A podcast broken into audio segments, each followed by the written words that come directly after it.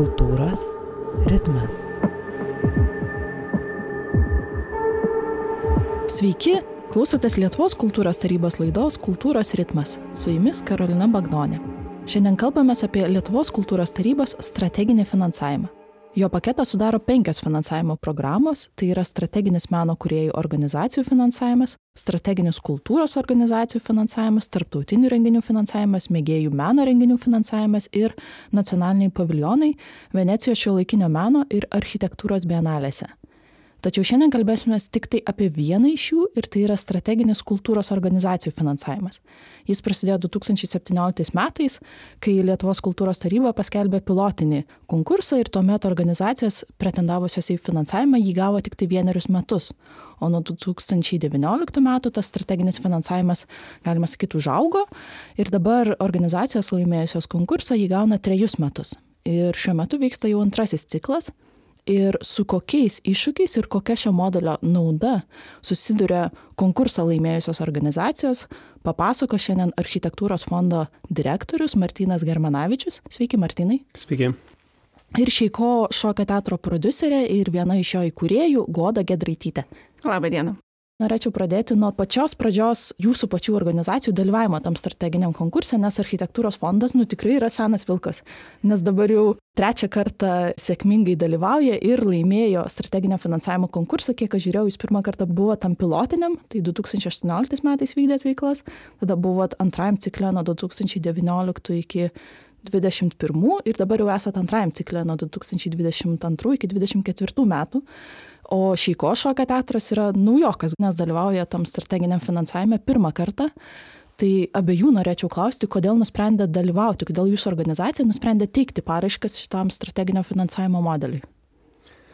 Tai mes gal sakyčiau, architektūros fondas e, yra senas vilkiukas, nes aš pats e, nedalyvavau tuo metu, kai buvo teikiama 17 e, metais strateginė paraiška, labiau gal taip žinau iš jau istorijų, pasakojimų, nes pati architektūros fondo kaip organizacijos veikla yra labai plati ir įtraukia labai daug skirtingų žmonių. Tai veikla prasidėjo nuo 2004 metų ir kiekvienas, kas turėdavo kažkokią iniciatyvą ir jam reikėdavo, sakykime, vardo ar teikti projektą kultūros remimo fondui ar mokslo tarybos finansavimui ar dar kažkokią kitą idėją turėdavo, bet norėdavo sutelkti daugiau bendraminčių, kreipdavosi architektūros fondą ir šitas,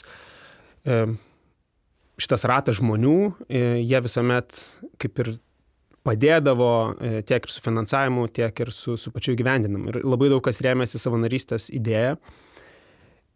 Tad e, tas strateginis finansavimas jis e, buvo toks gal irgi esminis dalykas, leidęs organizacijai sustiprėti ir aukti ne tik tai, kaip pasakyti, įgyvendinant skirtingus projektus ir uh, žmonės, kurie rūpindavosi tą administraciją, tai tiesiog darydavo tai savo laisvalaikiu po darbo valandų, o tai tapo tokia kaip stabilesnė ta, ta forma, galėjai, galėjo tas veiklas įgyvendinti iš tikro taip nuosekliai ir su laiku architektūros fondas irgi e, galėjo paaukti, atsirado veiklų, kurios buvo irgi, kaip pastatai kalba, skirtos irgi labiau su regionais darbui. O šiais metais, tiksliau, e, ši programa jau yra antras kartas, kai mes dalyvaujame. Tai prie jos rengimo ir kūrimo aš irgi pats prisidėjau, tai galėsiu dar irgi plačiau apie tai papasakoti. Nu, mes, kai tikrai nusprendėme dalyvauti dėl mm, savo tokio labai aktyvumo ir, ir mm, daugelio veiklų, ką veikiame ypatingai vakarų Lietuvoje. Ir masteliai mūsų teikiamų paraiškų kultūros tarybai būdavo nu, iki aštuonių paraiškų per metus. Laimėdavom apie keturias. Tai reiškia tokia labai didelė administracinė našta, nes visas keturias reikia paraiškas paruošti, ataskaitas renkti ir taip toliau. E, tai vienas iš faktorių, kodėl teikiame paraišką šitai strateginiai, turbūt buvo va šito biurokratinio darbo susimažinimas, nes šiuo atveju teiki vieną paraišką ir vieną ataskaitą. Antra vertus, kaip ir Martinas minėjo, tai aišku yra saugumo garantas, kad tu trejus metus žinai, kad tu gausi finansavimą. Ta suma dabar jau rėžiai tie atsiradė, kaip ir gali orientuotis į tą sumą, bet kuomet teiki tiesiog projektus e, per sritis, tai tu niekad nežinai, ar gausi, ar negausi, kokią sumą gausi. Tai e, šis strateginis finansavimas tikrai tokiom organizacijom kaip mes, kurios labai turi intensyvų darbo grafiką, aktyviai darbuojasi, turim įdarbintus žmonės, šokėjus ir nu, neši atsakomybę už tos žmonės ir jų ateitį. Tai strateginė programa iš tiesų lemia mums saugumą, kad mes trejus metus žinome, kad galėsime savo nusimatytus tikslus ir veiklas vykdyti. Tai turbūt šitoks ir buvo noras teikti tą paraišką dėl šitų priežasčių. Ir man iš karto labai įdomu pakalbėti apie tą pradžią, vat užsiminėt apie tai, kaip ruošėtės. Tai tada, kai jūs e, teikėt savo paraišką į tą veiklą, kuri vadinasi tikrai gana sudėtingai, tai strateginis kultūros ir ar meno produktus, ir ar paslaugas kūrenčių, ir ar teikiančių organizacijų finansavimas, tai jų, jų dviejų abiejų organizacijos yra šioje veikloje, Tai tuo metu pretendavo 37 organizacijos, o laimėjo 17. Ir kas buvo sunkiausia rengiant paraišką? Ką, pavyzdžiui, dabar darytumėt kitaip?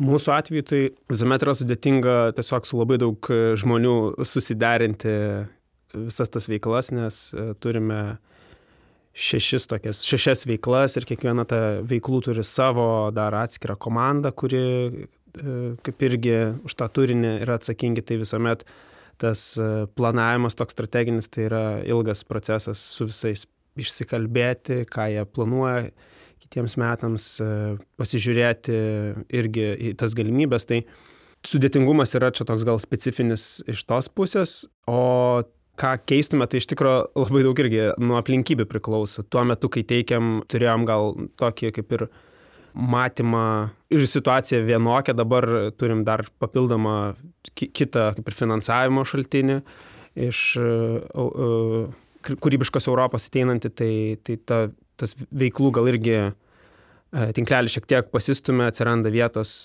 tom idėjom, kurios, pavyzdžiui, kai, kai rašėm paraišką, buvo uh, tokios ar bendradarbiavimo veiklos, ar kažkokios naujos inovatyvios veiklos, bet supratom, kad jos yra už tokio brūkšnio, nes jeigu negausim bent tos pagrindinės e, sumos, jos kaip ir bus pirmos, kurių reikės atsisakyti. Tai manau, kad dabar mes tiesiog turim tokį gal irgi jau galimybę pereiti daugiau ir galvoti ne tik apie tą savo įprastas veiklas, bet dar ir kažką vat, papildomą, ką, ką norėtume uh, patobulinti savo veiklose. Mums tai gal kažkokių labai didelių sunkumų nebuvo rengiant paraišką, kadangi nu, mes jau šokam į antrą tą ciklą, kaip pati minėjai, ir turėjome galimybę pasiekti, kaip pirmas ciklas veikia ir, ir matyti tas paraiškas iš pirmo ciklo. E, dokumentus turiuomenį, tai kažkaip labai rengiamės tam šaukimui, nors, kaip pasakyti, dar nebuvo aišku, išauks, nešauks, bet kažkaip nu, vis apie tai galvoji, kalbėsi komandoje ir mes šiaip teatras turim savo tokią strateginę, strateginės vizijas, tai turim struktūrą, tai kažkaip rengiant paraišką mums pakankamai buvo nesudėtingas tas dokumentinis, kaip pasakyti, pasiruošimas. Gal kaip Martinas minėjo, turbūt daugiausia laiko užima su, su kalbėjimas su partneriais ir, ir, ir tų garantinių raštų surinkimai ir taip toliau ir taip toliau.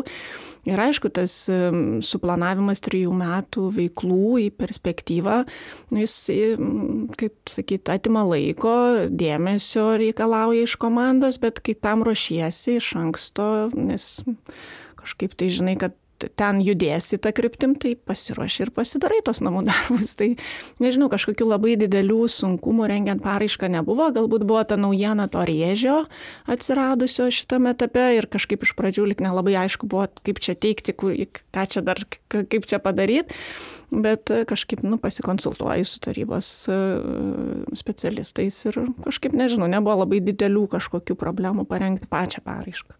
Nes atrodo, kad strateginiam finansavimui priešingai negu įprastai teikiant e, projektą, tikrai reikia ruoštis iš anksto. Mhm. Negali, va, čia dabar taip, išgirdai taip, konkursą, taip. o, tai aš taip. dabar čia mano ir taip. einu. Iš tikrųjų turi taip, taip. Taip, bet gal vat, ką, ką teisingai irgi pastebėjo, kad kai, kai jau turi tą veikiančią organizaciją, tai iš tikrųjų vienas iš pagrindinių dalykų yra klausti, kokia yra mūsų ta vizija, koks yra mūsų, kokios yra misijos, vertybės. Ir e, pas mus gal irgi tas procesas prasidėjo, nes aš anksčiau aš pradėjau vadovauti nuo 2020 metų ir mes iš karto pradėjom taip e, nuo pat pradžios klausti, kokia yra mūsų vizija kartu. Ir tas tada procesas tiesiog ir veda į, to, į tą, kad tu praėjęs tuos etapus gali jau kalbėtis tik tai apie veiklas, vat, ką mes norim trim metam padaryti. Bet kad, kad apie tai kalbėtum, žinoma, reikia, reikia išsigryninti tarpusavį, kaip mes veikiam, kokiam tam irgi e, ekosistemai veikiam, kas yra aplinkui, koks tas mūsų yra nešama vertė, nes visuomet irgi uh, kai esi kultūrinė organizacija, ne, neveikia taip grinai verslo modeliais, turi labai gerai suprasti, kokia yra ta tavo vertė, ką tu, ką tu siūlai visuomeniai ir uh, kodėl valstybė, pavyzdžiui, turėtų į tave investuoti tuos viešus pinigus. Tai, tai tą pasidarius darbą, manau, čia toks kaip ir esminė vadybinė uh, dalis, bet uh, organizacijos, kurios kurios veikia, jos paprastai turi pragalvojusi savo vizijas, misijas. Man atrodo, kad tos organizacijos, kurios e, atlieka tą kultūrinę misiją labai stipriai e, ar savo regione, ar visos Lietuvos mastu, ar panašiai, labai jaučia, kad jos yra tos organizacijos strateginės ir tada galbūt uh, kaip pasakyti, iš to žinojimo, iš to tiesiog savo veiklos organizavimo labai stipraus, nes tu turi užtikrinti tų veiklų vykdymą, nepaisant, ar tu, esi, ar tu gausi tą finansavimą. Matytas, kaip pasakyti, patirties ir, ir, ir gebėjimų derinys jisai leidžia aplikuoti tas va tokias sudėtingesnės programas kaip strateginio finansavimo. Tai noriu pakalbėti ir apie tos konkrečius dalykus. Tikrai, vat, mes pakalbėjom apie tai, kad reikia tikrai vadybos stiprios, organizavimo ir vertinimo kriterijose, tai irgi itin svarbu, bet dar kartu yra ir kultūrinė, meninė vertė. Ir jūs jau dabar, jau metus, truputį daugiau negu metus, įgyvendinat savo veiklas, tai kaip sekasi įgyvendinti ir su kokiais iššūkiais susidurėt, arba kas jau dabar džiugina po metų, nes ataskaitą tą jau vieną reikėjo pateikti, ką per metus nuveikė šitoj strateginė finansavimo programai.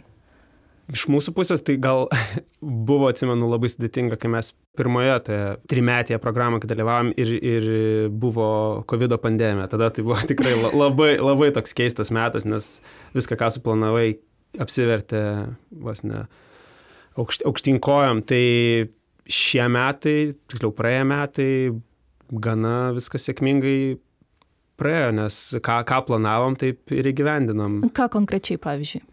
Tai turėjom Open House Vilnius festivalį, kuris irgi sugebėjo sugrįžti į tas e, prieš pandeminius e, lankomumus e, pastatai kalba festivalį, kuris vyko Šiauliuose ir irgi tikrai jis vis, vis auga, vis daugiau yra lankytojų.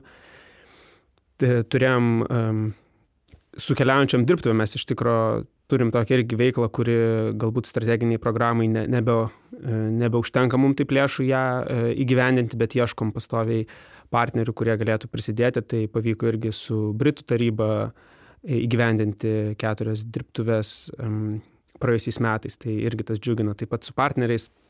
Toliau yra ten tęsiamas bendradarbiavimas su telkiant Baltijos ir Skandinavijos šalių partnerius. Tokį irgi bendradarbiavimo tinklo, iš kurio ateityje irgi tikimės, kad, kad kažkas gali užaukti. Ir e, šiaip mes gal kaip e, organizacija turim irgi tokias e, veiklas, kur, kurios mažiau gal žinomos yra plačiai auditorijai, bet architektų arba bes, besidominčių daugiau um, architektūros laukų tarpe tikrai žinomos, tai kritikos platforma aikštėje, uh, tekstų ir vizualinių pasakojimų kūrimo, taip pat e, A pokalbiai, buvo praeisiais metais du ciklai pokalbių apie bendrai irgi architekto profesiją ir kitas ciklas buvo apie klaidą architektūroje.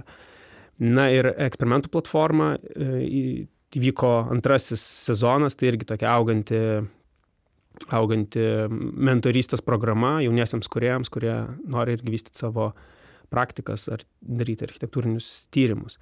Ir gal iš tokios irgi vadybinės pusės, tai praeisiais metais labai e, turėjom didelį darbą, tai tą paraiškos rašymą į kūrybišką Europą, nes inicijavome didelio mastelio ko, kooperacijos tokį bendradarbiavimo projektą su 11 partnerių. Tai iš tikrųjų mes organizacijai, kurie dirbom labiau su administracija, tai buvom labai panirę į, į tą organizavimą. tai viskas labai sėkmingai pavyko, nes gavom, laimėjom tą paraišką, gavom dar trijų metų finansavimą ir dabar turim, žodžiu, tokį kaip irgi e, šiais metais naują etapą su Open House, nes e, ne tik tai gyveniname Vilniuje, bet ir vedame europinę projektą tarp skirtingų partnerių. Mums tai sekėsi neblogai, manau. Tikrai gyvendinam visas veiklas, kurias buvom nusimatę. Ir kaip minėjau, kažkaip uh, daug veiklų, jos planuojamas labai iš anksto mūsų tas ateities vizija ir planas e, teatro, tai a, kažkaip, kai susiplanuoji, tai tas strateginis finansavimas yra priemonė, kad tikrai tai vyksta ir, ir gal palengvina mums tą įgyvendinimą. E, tai mes pernai be savo viso repertuarinės veiklos, e, ką tradiciškai darom, rodom visus savo pastatytus spektaklius visoje Lietuvoje, tai ypatingą dėmesį skiriam tarptautiniam bendradarbiavimui. Pernai turėjome du tarptautinius projektus, vieną spektaklį su Danų choreografų pastatėm ir turėjom didelį projektą Kaunas 2022 rėmose, kur dalyvavo pusė, mūsų Lietuvos pusė e, atlikėjų, šokėjų, tai mūsų teatras ir nuo Epiko iš Kauno ir turėjom didelę dalį šokėjų ir kūrybinę visą komandą iš e, Europos šalių.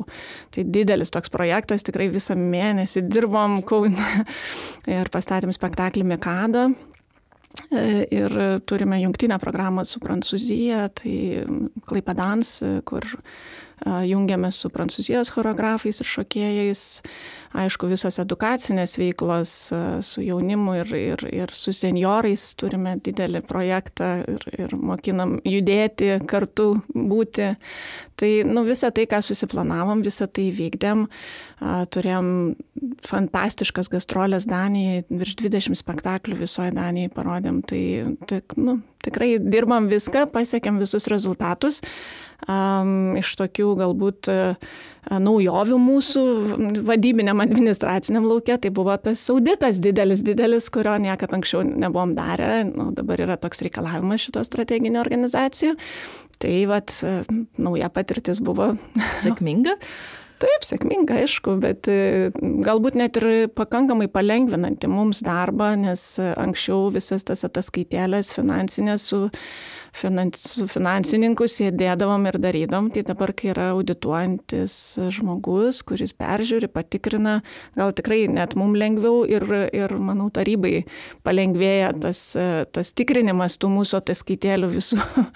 tai manau, kad visai neblogas sprendimas auditoriaus, bet, bet pirminis susitikimas tai buvo toks, a, ką čia dabar reikės daryti.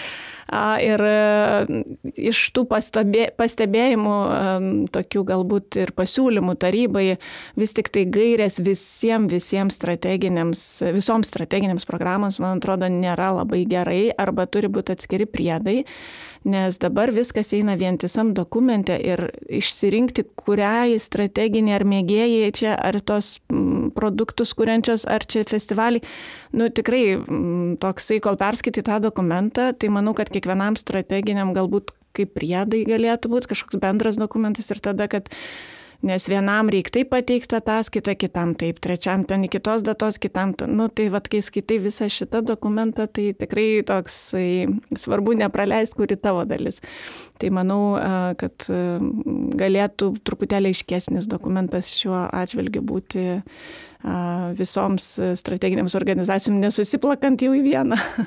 Tai Goda jau pradėjo ir užsiminė apie tas, ne tai, kad problemas, nu, bet tobulintinus aspektus taip, to strateginio taip. modelio, tai gal Martinai pačiam kažkokie kilo jau dabar bedirbant ir pamačius, ką atrodytų, vad norėtųsi pakeisti. Goda paminėjo, kad būtų gerai, kad dokumentas būtų aiškesnis ir strateginės organizacijos greičiau. Ne tik organizacijos, bet programos, taip, nes dabar taip, taip, visos, visos programos yra viename ir tu turi išsikristalizuoti, kuri eilutė yra tavo eilutė. su to, nežinau, bi biurokratiniais dalykais visuomet galima juos patobulinti ir ten e, tiek ir tas skai tai skaitmenizavimas. Proga papasakoti, dabar kaip tik yra rengiamas gairės, Taip. tai dar gal galima ir iššokti tą traukinį. E, bet aš nežinau, ar aš norėčiau nu, nuskesti į, į šitos uh, tokius labai detalius uh, nagrinėjimus. Man gal atrodo, kad strateginės šiaip programos tokia kaip vertybė tai yra mm, toks gebėjimas ne, kaip pasakyti, vien tik teikti projektus ir, ir už juos gauti finansavimą, bet matyti save iš tikrųjų veikiantį laukia uh, ir kažkuria prasme strateginis, e, ta strateginė programa, man atrodo, kur jinai galėtų aukti, tai yra tą savo strategiškumą da, dar auginti. Ir mes čia buvom irgi susitikę su e, organizacijom, kurios e, gauna šiais metais tą strateginį finansavimą ir iš tikrųjų kalbėjom, kad, pavyzdžiui, ekspertų buvimas, jisai kažkuria prasme norisi, kad jis būtų truputėlį kitoks negu įprastai projektų vertinimai. Pavyzdžiui. Tai ką turiu menį, tai kad e, tai mes jau dalyvaujam trejus metus šitoje programoje ir tada norisi, kad tarsi ekspertas ne tik tai e, kas metus tave įvertintų, e, tavo paraišką ir kažkuria prasme vis, ne tai, kad vis iš naujo būtų naujas ekspertas, bet e, stebėtų, kaip, kaip tau sekasi įgyvendinti. Ir jeigu yra kažkuria prasme kritika tais metais atkeliauja, tai kad kitais metais nebūtų keliami vėl tie patys klausimai, bet e, ekspertai savo patys prieštarauja kartais. Taip, taip tokia būna situacija, tai sakyčiau, kad mes kaip strateginės organizacijos tikrai matom tą poreikį bendrai gal ir tą strategiją tokią turėti platesnę, nes ji dabar labiau yra tos trys kryptis - įvairovė, prieinamumas, edukacija, bet e, to aprašymo tokio labai tikslaus e, kaip ir nėra, yra tokie raktažodžiai. Ir galbūt, e, sakyčiau, su ta strateginė programa būtų galima, nu, kaip ir yra trijų metų tas finansavimas, tai gal kažkoks, kažkokia vat, kryptis trims metams atsiranda truputėlį aiškesnė. O kokia yra mintis, kokia galėtų būti ta kryptis? Architektūra visur? Tvarumas. Tvarumas, ekologija. Tai manau, kad e, šitie gal irgi vat, aspektai mes jaučiame, apie ką, apie ką galėtų būti, bet e, tas strateginis dokumentas irgi neturėtų būti tarsi kūriamas e, iš viršaus į apačią nuleidžiant tą strategiją. Tai gal, galbūt mes ir galėsim vat, per šitos metus ir kaip strateginės organizacijos prisidėti inicijuojant tą, tą galvojimą apie kitų metų programą ir pasiūlant tas, tas kryptis aiškesnės, gal ir vat, tas e, refleksija po įvykdymo galėtų būti truputėlį irgi išsamesnė, nes turime tą stebėsinos ir analizės e, skyrių Lietuvos kultūros tarybai, bet mm, gal jis iš tikrųjų galėtų būti vat, skirtas e, kažkaip e, atidžiau e, žiūrėti, kaip, kaip kiekviena iš organizacijų vykdo savo veiklą, nes man atrodo irgi yra nuostabu, kad mes esame visi labai skirtingi e, kaip organizacijos, bet tada irgi svarbu, kad kiekviena iš jų žinotų, kodėl jinai yra toje programoje, ką jinai užima, kokią, sakykime, rolę užima. Ir e, tas strategiškumas jis leistų mums ir patiems daugiau bendradarbiauti tada. Aš gal paantrinčiau irgi Martinui, nes e, iš tiesų, e, man atrodo, tas e, strateginės organizacijos statusas, kuris taip netikėtai mūsų aplanko gavus finansavimą, tokios truputėlį atsakomybės tikrai uždeda ant pečių, nes tu tada suoki, kad tavim pasitikėjo kultūros bendruomenė ir tau suteikė tą tokį mandatą daryti savo veiklas, vykdyti savo strateginius planus, kurie yra reikšmingi Lietuvos kultūriniam laukui. Tai kalbant apie tą ekspertavimą ir galbūt e, kaip ir pasiūlymą, kadangi jau pasitikė tom organizacijom, iš esmės, ar ne, pati minėjai, 3 iš 37 atranka tik 17.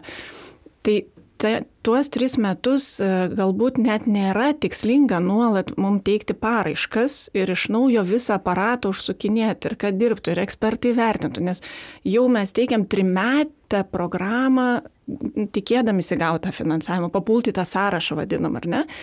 Tai kažkoks galbūt modelis, kuris palengvintų naštą ir tarybai ir e, suteiktų didesnio, kaip pasakyti, mum a, a, vert kaltinamojo svarmens, kaip čia, nežinau, net išsireikšti, galbūt būtų, kad kažkokie ekspertai, kurie vertino mus ir praleido į sąrašą, tiesiog taptų mūsų kažkokiais mentoriais, konsultantais, lydinčiais ir tiesiog mat, kasmet įvyktų kažkoks susitikimas, nežinau, pora, e, nes mes, kaip Martinas minėjo, labai skirtingi visi, ar ne esam, bet nežinau, scenos menų blokas, vizualiųjų, architektūros ten ir panašiai. Ir kad m, tie ekspertai mus lydėtų tos tris metus, va tie, kurie mus delegavo ir jie tiesiog stebėtų mūsų veiklą ir a, e, galbūt pateiktų tarybai išvadas, kad mes tikrai vykdom tas veiklas, kurias susiplanavom ir mes tikrai nu, numatę ateinančiais metais įvykdyti tai, ką jau susiplanavome Man atrodo, tai palengvintų ir pačiai tarybai, ir mums kiekvienais metais nereiktų kartuoti to paties, ką jau mes pateikę esam, ir atsirastų galbūt va, tas labiau strateginis bendradarbiavimas. Va, mes kalbame su ekspertais, ar tarybos atstovai, gal ne ekspertai, gal čia negalima viešinti, nu, čia žodžiu, yra daug tų aišku niuansų, bet kad tu tampi lik ir kolegialiam tokiam santykėje, nes tau jau davė tą pasitikėjimą trijų metų. Tai gal, o kadangi yra tie rėžiai ir mes realiai žinom tą finansinę injekciją, Tai iš esmės te, te lieka reflektuoti, ką mes nuveikėm ir stebėti, ką mes veiksim. Tai net nebūtina galbūt tiem popieriam visiems suktis, vaikščioti ir e, sutartį sudarom kasmet finansinę tą ir toliau judam, dirbam ir konsultuojamės ir diskutuojam va, tam kultūriniam laukia. Gal net pačios strateginės organizacijos gali vieni kitus aplankyti ir pažiūrėti, ką mes veikiam ir žinoti daugiau vieni apie kitus. Tai manau, kad tikrai galėtų būti tom strateginiam programom kažkoks galbūt visai kitas e, lygmuo e, darbo, nes tau jau yra tas trimetis, kaip sakyt, kelias dirbk dabar. Man atrodo, tas poreikis tokio kolegialumo, kolegiškumo, konsultavimo yra labai labai sustiprėjęs dabar kultūriniam lauke, nes tikrai kultūros taryba labai jaučia tą ir Asta Pakarklytė savo interviu su Rūta Kačkutė ir Rūno Gelūno apie tai kalbėjo, kad kitose menų tarybose jau pereinama nuo to administracinio, tiesiog vat, paraiškos, mhm. ataskaitos, mm. finansai ir taip toliau, prie konsultavimo kas iš esmės yra nu, tikrai vizija ir troškimas ir pačios kultūros tarybos. Čia niuansai atsiranda, kurie atsimaša į finansus, į žmonės, į e, mažą komandą kultūros ir meno meno skyrius ir taip toliau, taip, bet tas poreikis, man atrodo, nu, toks dega pačiame lauke. Atrodo, kad norisi nebe dabar čia tiesiog formaliai viską įgyvendinti, tuo, nu, aš atsinčiau, tu pasirašy, bet tikrai kalbėtis, ieškoti ir kartu kurti. Mhm. Nu, yra bendradarbiavimas. Taip, taip. Aš manau tikrai ir ypatingai strateginių organizacijų ir festivalių ir kitų programų atžvilgių, tai kaip Martinas sako, mes jau tampam to lauko tikrai svaria dalimi, tai kažkaip norisi tą bendrą kultūros politiką visiems formuoti ir kurti. Taip, dėl šito tai sutinku. Dar vienas dalykas, e, apie ką man norisi pasikalbėti, tai apie jūsų tarpusavio bendradarbiavimą, nes čia va kaip tik sugoda prieš e, laidos įrašą kalbėjomės, kad yra šokis plus miestas, kur va Šeiko šoko teatras ir architektūros fondas bendradarbiavo. Čia ne strateginiam modelį atsiradęs, bet sakytum irgi susiję. Ir kita vertus, mm, kaip jums sekasi bendradarbiauti tarpusavyje, ar pavyzdžiui turit kažko, kur vat, kalbatės, e, pats paminėjai, kad irgi šnekat apie strateginį finansavimą, bet ar turit kažko, kur nu, būtų ta platforma, kur organizacijos susitinka. Žinau tikrai, kad va, dabar irgi taryba gavo kvietimą tokiam Taip. dalyvauti susitikime, bet ar, pavyzdžiui, jums patiems kaip sekasi ir galbūt reikėtų daugiau, mažiau kažkokio kitokio būdo? Man atrodo, kad e, pati programa galbūt nėra ta, tas, e, ta priemonė, kuri mus skatina bendradarbiauti dėl to, kad mes gavom tą finansavimą. Bet iš esmės strateginės organizacijos yra atviros bendradarbiavimui ir man atrodo, dar iki to finansavimo gavimo nu, tu nuolat bendradarbiauji. E, ir, nu, nežinau, mūsų bent jau organizacijai tai yra gilus įsitikinimas, kad geriausi rezultatai pasiekiami komandoje ir bendradarbiaujant. Tai tiek su architektūros fondu, tiek, pavyzdžiui, su Klaipados lėlių teatru, va dabar statom naują spektaklį, kartu dirbam irgi strateginė organizacija su šokio informacijos centru nuolat bendradarbiavim. Ta prasme, net nėra klausimo, kad tu dirbtum tik taip užsidaręs, tu nuolat bendradarbiauji su kitom organizacijom. Tai man atrodo, čia tiesiog strateginių organizacijų toks vienas iš bruožų. Aš irgi manau, kad jis dar turbūt su laiku galės ir stiprėti, nes tame potencialo tikrai yra. Mes e, iš tikrųjų kol kas dar tik tai, sakykime, išbandom tą visą strateginį modelį, bet iš, pavyzdžiui, mūsų pusės tai, tai tikrai jaučiasi, kad um, kai, kai turi, sakykime, tom savo veiklom įgyvendinti resursų, tada gali skirti dėmesio ir tom partnerystėm e, ir jų auginimui. Tai tiek šokis plus miestas, kur dabar jau yra ir planuojamas trečiasis sezonas tarptautinis.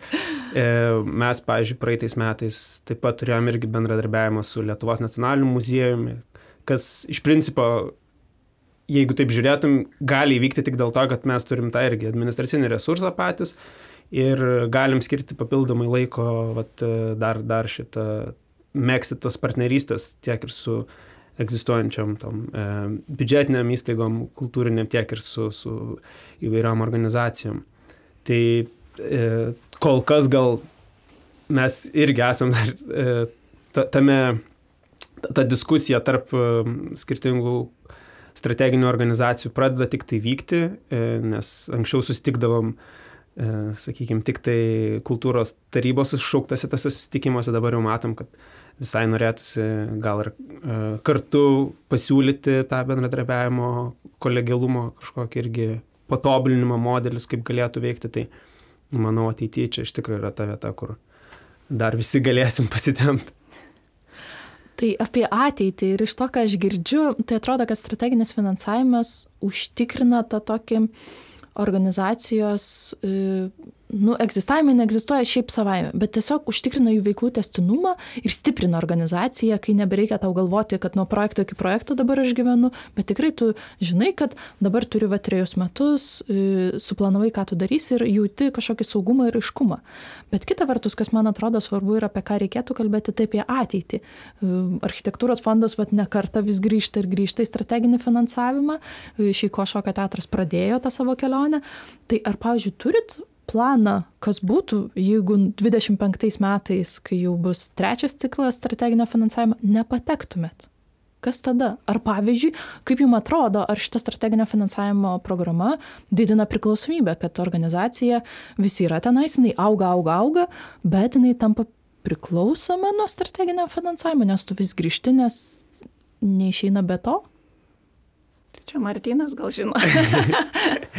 Na, labai priklauso iš tikrųjų nuo to irgi ekonominio modelio, kaip, kaip veikia organizacija. Jeigu um, yra ta galimybė, sakykime, užsidirbti iš savo veiklos, uh, tai tada gal gali iš tikrųjų ieškoti kažkokių būdų. Mūsų atveju tai praktiškai viskas yra projektiniu finansavimu. Mes žinoma ir po truputėlį vystom kitokius irgi būdus, kaip galima um, surinkti tą, tą resursą. Tai, bet jis nėra toks žymus. Tai aš manau, jeigu ne, nebūtų to strateginio finansavimo, tai mes tada tiesiog e, vėl grįžtume į projektinį rašymą. Nu, vienaip ar kitaip, tai tiesiog priklauso, ar, ar tai kultūros taryba, ar kažkokios kitos, kiti fondai, tarptautiniai fondai. Tai, mm, Tai tiesiog čia, manyčiau, kultūros, um, uh, bendrai kultūros organizacijų veikimas, jis uh,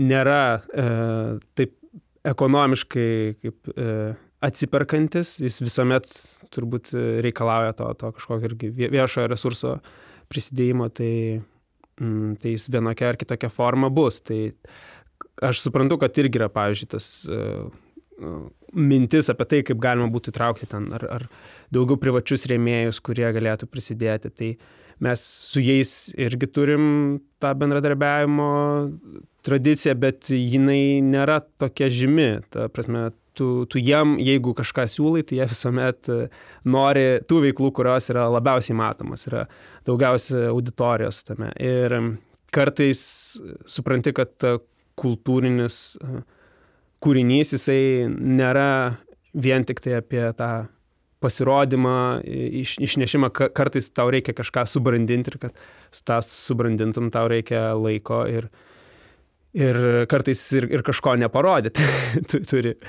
Tai va tam, tam etapui, man atrodo, tas vis tiek projektinis, projektinis lėšas jos yra naudingos. O šiaip tai kaip bendrai ta kultūros tarybos, kaip ir visa misija, man atrodo, yra labai prasminga, nes jinai užčiapia tai, kas, aš nežinau, man atrodo, šitas modelis jis apskritai galėtų būti toks plačiau taikomas valstybei, nes visos nevyriausybinės organizacijos, jos irgi nuolatos gyvena iš to projektinio rašymo, jos e, teikia į kažkokius tarptautinius fondus, bet jeigu valstybė nori gyveninti savo sriti, kažkokias konkrečias rytis, tarkim, energetika irgi e, nori padaryti tą liberalizaciją, kad žmonės e, ir, irgi prisidėtų prie energijos kūrimo, nu, tai natūralu, tu sukuri kažkokį mechanizmą ir kultūros taryba yra va, toks va, puikiai veikiantis modelis, kuris iš tikrųjų galėtų būti visos valstybės mastu netgi ir, ir daugiau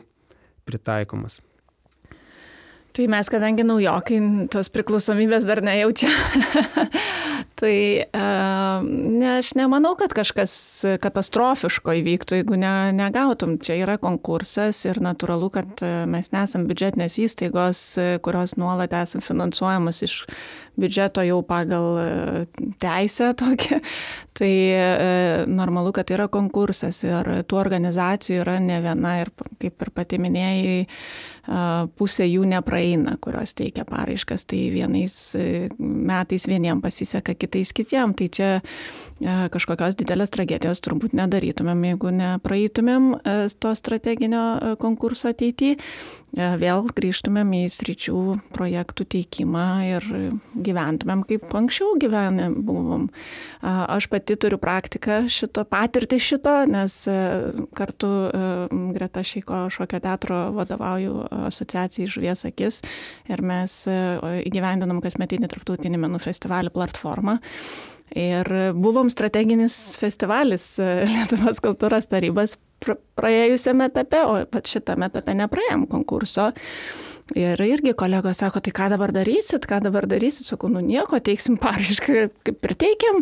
Ir va, pateikiam vėl paraišką, aišku, finansavimo dydis gerokai skiriasi nuo strateginio, nu, bet tu persidėlioji tas savo veiklas, juolab, kad vis tiek ne, taip sakyt, 16 metų įgyvendinant festivalį, tu jau turi irgi ir kitus šaltinius, ir kitus planus, ir planą B, jeigu kas nesiseka, tai tiesiog dėliojas toliau ir gyveni toliau.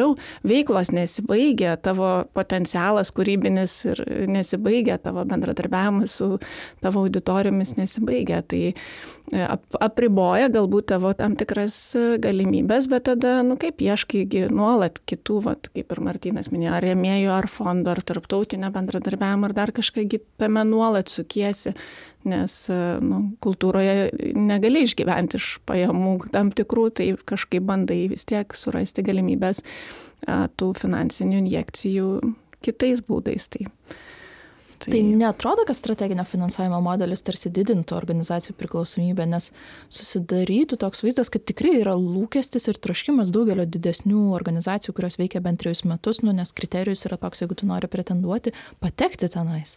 Nes, nu, tai apie tai mes ir kalbam, va, jau beveik e, valandą, kad, nu, tai tikrai yra labai svarbu ir padeda organizacijai aukti, bet modelis gal, nu, taip skatina grįžti, o ne ieškoti alternatyvų, ar ne? Bet, e, kaip pasakyti, tos alternatyvos yra vienas iš kriterijų, tu turi atsinešti, sakykime, 40 procentų to finansavimo, tai nereiškia, kad ateini tuščiomis ir sakai, e, viskas dabar e, tris metus šitą, būsiu apsikabinęs šitą programą ir, ir gyvensiu savo ramiai. Ne, tu vis tiek tu, turi tas alternatyvas ir jeigu kažką nori daryti papildomai, tai iš tikrųjų ieškai kažkokių resursų. Mūsų, pažiūrėjau, atveju mes pirmais metais, kai dalyvavom, turėjom didesnį finansavimą. Ir e, va šiais e, šitą antras e, strateginis tas etapas, jisai buvo su mažesniu finansavimu, mes patekome mažesnį rėžį ir iš tikrųjų buvo labai sudėtingas momentas, nes kaip tik irgi va, praeisiais metais augo vis tos, tos kainos ir tu supranti, kad uh, jeigu neturėsi kažkokių alternatyvų, tai nu, įstriksi tokioje visiškai klavietėje, kur nu, tarsi turėtum kaip ir aukti, bet finansiškai ne, neturi galimybių, e, nes yra uždėti tie rėžiai, tai tada mes iš tikrųjų pradėjome ieškoti, ką, ką galima alternatyvaus e, daryti ir kūrybiškos Europos, kaip tos programos buvo irgi viena, viena iš, vienas iš būdų turėti to tą alternatyvą tokią stabilesnę, nes tai irgi yra trijų metų finansavimas. Ir nežinau, su, pavyzdžiui, privačiais rėmėjais irgi kuo toliau, tuo dažniau stengiamės užmėgsti tokią partnerystę, kuri nebūtų vienų metų, nes žinoma, jie gali remti ir, ir tik vienus metus, bet e, labai vertinam tuos partnerius, kurie, su kuriais pavyksta turėti kažkokį, tarkim, irgi trijų metų planą, nes kad įgyvendintum kultūrinės veiklas, tai turi planuotis iš anksto dalykus, ne, nes kitaip e, tos kokybės tiesiog, tiesiog nebus. Tai Taip, taip, aš gal paantrinčiau Martinui, kad iš esmės gal ne tiek tai, kad tu gauni tą finansavimą kaip strateginė organizacija, čia svarbu, bet galbūt va ta saugumo tas jausmas, kad trim metam tu gali planuotis veiklas ir va tas partnerystės užmėsginėti, nes kaip ir bet kokioj turbūt vadyboje tau reikia laiko tam tikriem projektam įsibėgėti ir, ir, ir juos įgyvendinti. Tai kai tu turi tam tikrą užnugurį, tą pagalbę savo pasidėjęs, tai tada tu gali daug lengviau judėti ir į kitus kelius, ir į kitas perspektyvas, ir tiek su finansų paieškom, tiek su partnerystėm, tiek su tarptautiniais projektais. E, kuomet tu gyveni nuo projekto iki projekto, tai yra truputėlį sudėtingiau, nes tau nuolat reikia nu, mažesnė mastelį tokiam būti, o strateginis finansavimas jis tau leidžia truputėlį plačiau savo veiklas vykdyti ir tą saugumą turėti. Bet nežinau, manau, kad tikrai tai neformuoja kažkokios priklausomybės, nes, nu, kaip jau kalbėjom, mūsų organizacijos jos ir yra tos strateginės dėl to, kad mes nuolat tas veiklas vykdom, nepaisant, kuriam finansavimo rėžį mes atsidurėm. Tai, tai manau, kad šitas program, strateginių programų atsiradimas kultūros taryboje yra fantastiškas sprendimas, nes ir daugelis Europos šalių gyvena tais trimečiais programavimais e, ir, ir užtikrina tikrai daug e, platesnės kultūrinės raidos galimybės Lietuvai. Tai iš tos pusės tai tikrai labai reikalinga, bet organizacijų prasme, tai ar viena organizacija tame yra ar kita, manau, tai labai didelio, kaip pasakyti, svarbu, kad ten yra tos organizacijos, kurios gali vykdyti strateginę veiklą. Nu, va, tai, ta prasme, tai ne ta priklausomybė, kad ten turi būti, bet kad tai leidžia mums tą mūsų šalies kultūrą formuoti ir ją, ją reprezentuoti. Tai jau artėjant prie pabaigos, man įdomu, kaip jums atrodo, kokia yra didžiausia Lietuvos kultūros tarybos vertybė? Jau ir berašant anksčiau projektus, ir dabar esant. Kad ji yra. Kad ji yra. kad tikrai buvo priimtas tas įstatymas, kad įsteigta taryba. Aš manau, kad čia labai didelis e, Lietuvos valstybės kultūros politikos žingsnis buvo ir, ir galima tik džiaugtis. E, be abejonės yra visada ką tobulinti, ką keisti, kaip ir pati taryba per tą dešimtmetį nu, labai pasikeitė tiek savo administravimu, tiek bendravimu, tiek komunikavimu, tiek programomis ir manau dar keisis per dešimtmetį, nes nu, tiesiog adaptuojasi prie situacijos, kuri e, kaip prie gyvenimo judesio ir, ir pokyčių, bet e, tas sprendimas e, kad įsteigti šitą tarybą, man atrodo, yra vienas reikšmingiausių pokyčių Lietuvos kultūroje per pastaruosius metus. Man tai šiaip atrodo, kad tai yra, ką ir jau minėjau, toks demokratiškumo užtikrinimas valstybėje, nes tai reiškia, kad ne tik tai tos politinės jėgos, kurios gauna tą ketverių metų mandatą iš visuomenės, sprendžia, kas yra vertinga, bet žmonės, kurie veikia, sukuria va tokį kaip, kaip būdą vertinti ir atrinkti tas geriausias idėjas. Ir manau, tas modelis, sakau, jisai tikrai ne, nėra vien tik tai apie kultūrinį lauką, jis galėtų būti pritaikytas irgi kur, kur kas plačiau. Nu ir pačiai, pačiai pabaigai, pas paskutinis klausimas, kadangi šiemet kultūros taryba mini dešimtmetį ir pati paminėjai apie tos dešimt metų, tai pavyzdžiui, vienas dalykas, kokį norėtumėt, kad nutiktų arba kaip atrodytų taryba po dešimties metų? Palinkėčiau galbūt tarybai sustiprėti savo personalo e, prasme, nes manau, kad tikrai e, trūkumas žmogiškų resursų e, apsunkina tarybos veiklas, tai galbūt tikrai prasiplėsti su žmogiškais resursais, kas leistų ir jum lengviau kvepuoti. Be abejonės, mums visiems tai palinkėčiau, kad tas finansavimas padidėtų. nes, man, nes tikrai kultūros taryba yra šaltinis nu, didžiai daliai nepriklausomų Lietuvos kultūros sektoriaus veikiančio, nu, visiems, kurie mes veikiamės, realiai finansuojam iš kultūros tarybos. Tai be abejonės tie finansai ir, ir, ir rezultatai ir pokyčiai mūsų veiklų nu, reikalauja ir tos injekcijos didesnės finansinės. Bet e, taip strategiškai, tai kažkada Asta dalinosi Kanados kultūros tarybos patirtimi, e, kad nebėra sričių, nebėra žanriškumo ir labiau viskas orientuojama pagal konceptualias e, programas, tai man atrodo tai labai prasmingas judėjimas link to, nes e, tikrai žanrai pastaruoju metu tiek niveliuojasi, sinkretizuojasi, mes visi veikiam viskame ir nebeaišku, kas, kur šokis baigės, kur prasideda jau architektūra.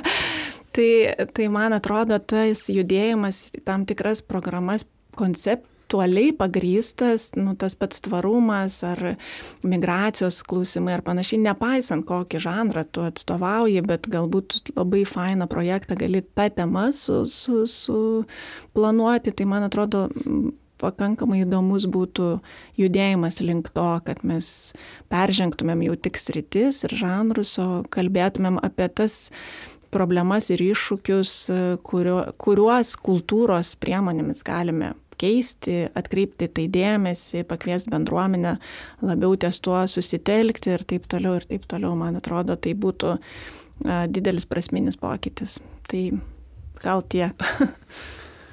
Aš tai irgi pantrinčiau, man atrodo, tarp disciplininio meno irgi sritis tokia yra per paskutinius kokį dešimtmetį gerokai paaugusi ir matome, kad to integralumo tarp skirtingų sričių norisi ir, ir yra tos partnerystės viena iš tų formų, kodėl tai taip veikiam ir jeigu iš tikrųjų matome kultūrą kaip e, prasmingą pokytį, kurianti um, tokį dėmenį visuomeniai, tai tada tas užsidarimas į kažkokias tai labai tokias uh, aiškiai apibrieštas rytis, jis tiesiog nėra naudingas, nes uh, gaunasi, kad mes truputėlį savo tokiuose bokštuose visi gyvenam ir nematom, kas, kas vyksta bendrai. Tai e, aš, aš tai irgi manau, kad turbūt čia gal lauko irgi toks yra judėjimas link, link to tarp discipliniškumo, tarp, tarp sričių, e, kur kiekvienas kaip ir supranta, ką jisai daro, nereiškia, kad visi dabar tampa e, šitą multispecialistais. Renesansą. žinai, ką darai, bet e, darai tai kartu su kitais ir mm, darai vardant kažkokią tada tokio bendro tikslo, kurį, kurį suprantate. Pabaigai pasakysiu, neseniai girdėjau Danijos kultūros ministro posakį, kai jo paklausė, tai kuom jūs rūpinatės, tai jisai pasakė viskuo, kuo žmonės užsiema po darbo kultūra yra viskas. Tai manau, kad vat, tas mūsų partnerysčių ieškojimas ir, ir raiškos įvairiuose, veiklose tikrai turi pagrindą. Tai ačiū Goda, ačiū Martinai. Kultūra yra viskas, tai tikrai linkiu ir toliau kurti šį, šį viską. O mūsų klausytams primenu, kad laidos kultūros ritmas galite klausyti visose jums prieinamose platformose - Google Podcasts, Apple, Spotify ir taip toliau. Labai kviečiame pamėgti mūsų kanalus, mums rašyti, o jeigu turit pašnekovo ir idėjų, apie ką norėtumėt pakalbėti, irgi rašykit. Ačiū Jums ir iki.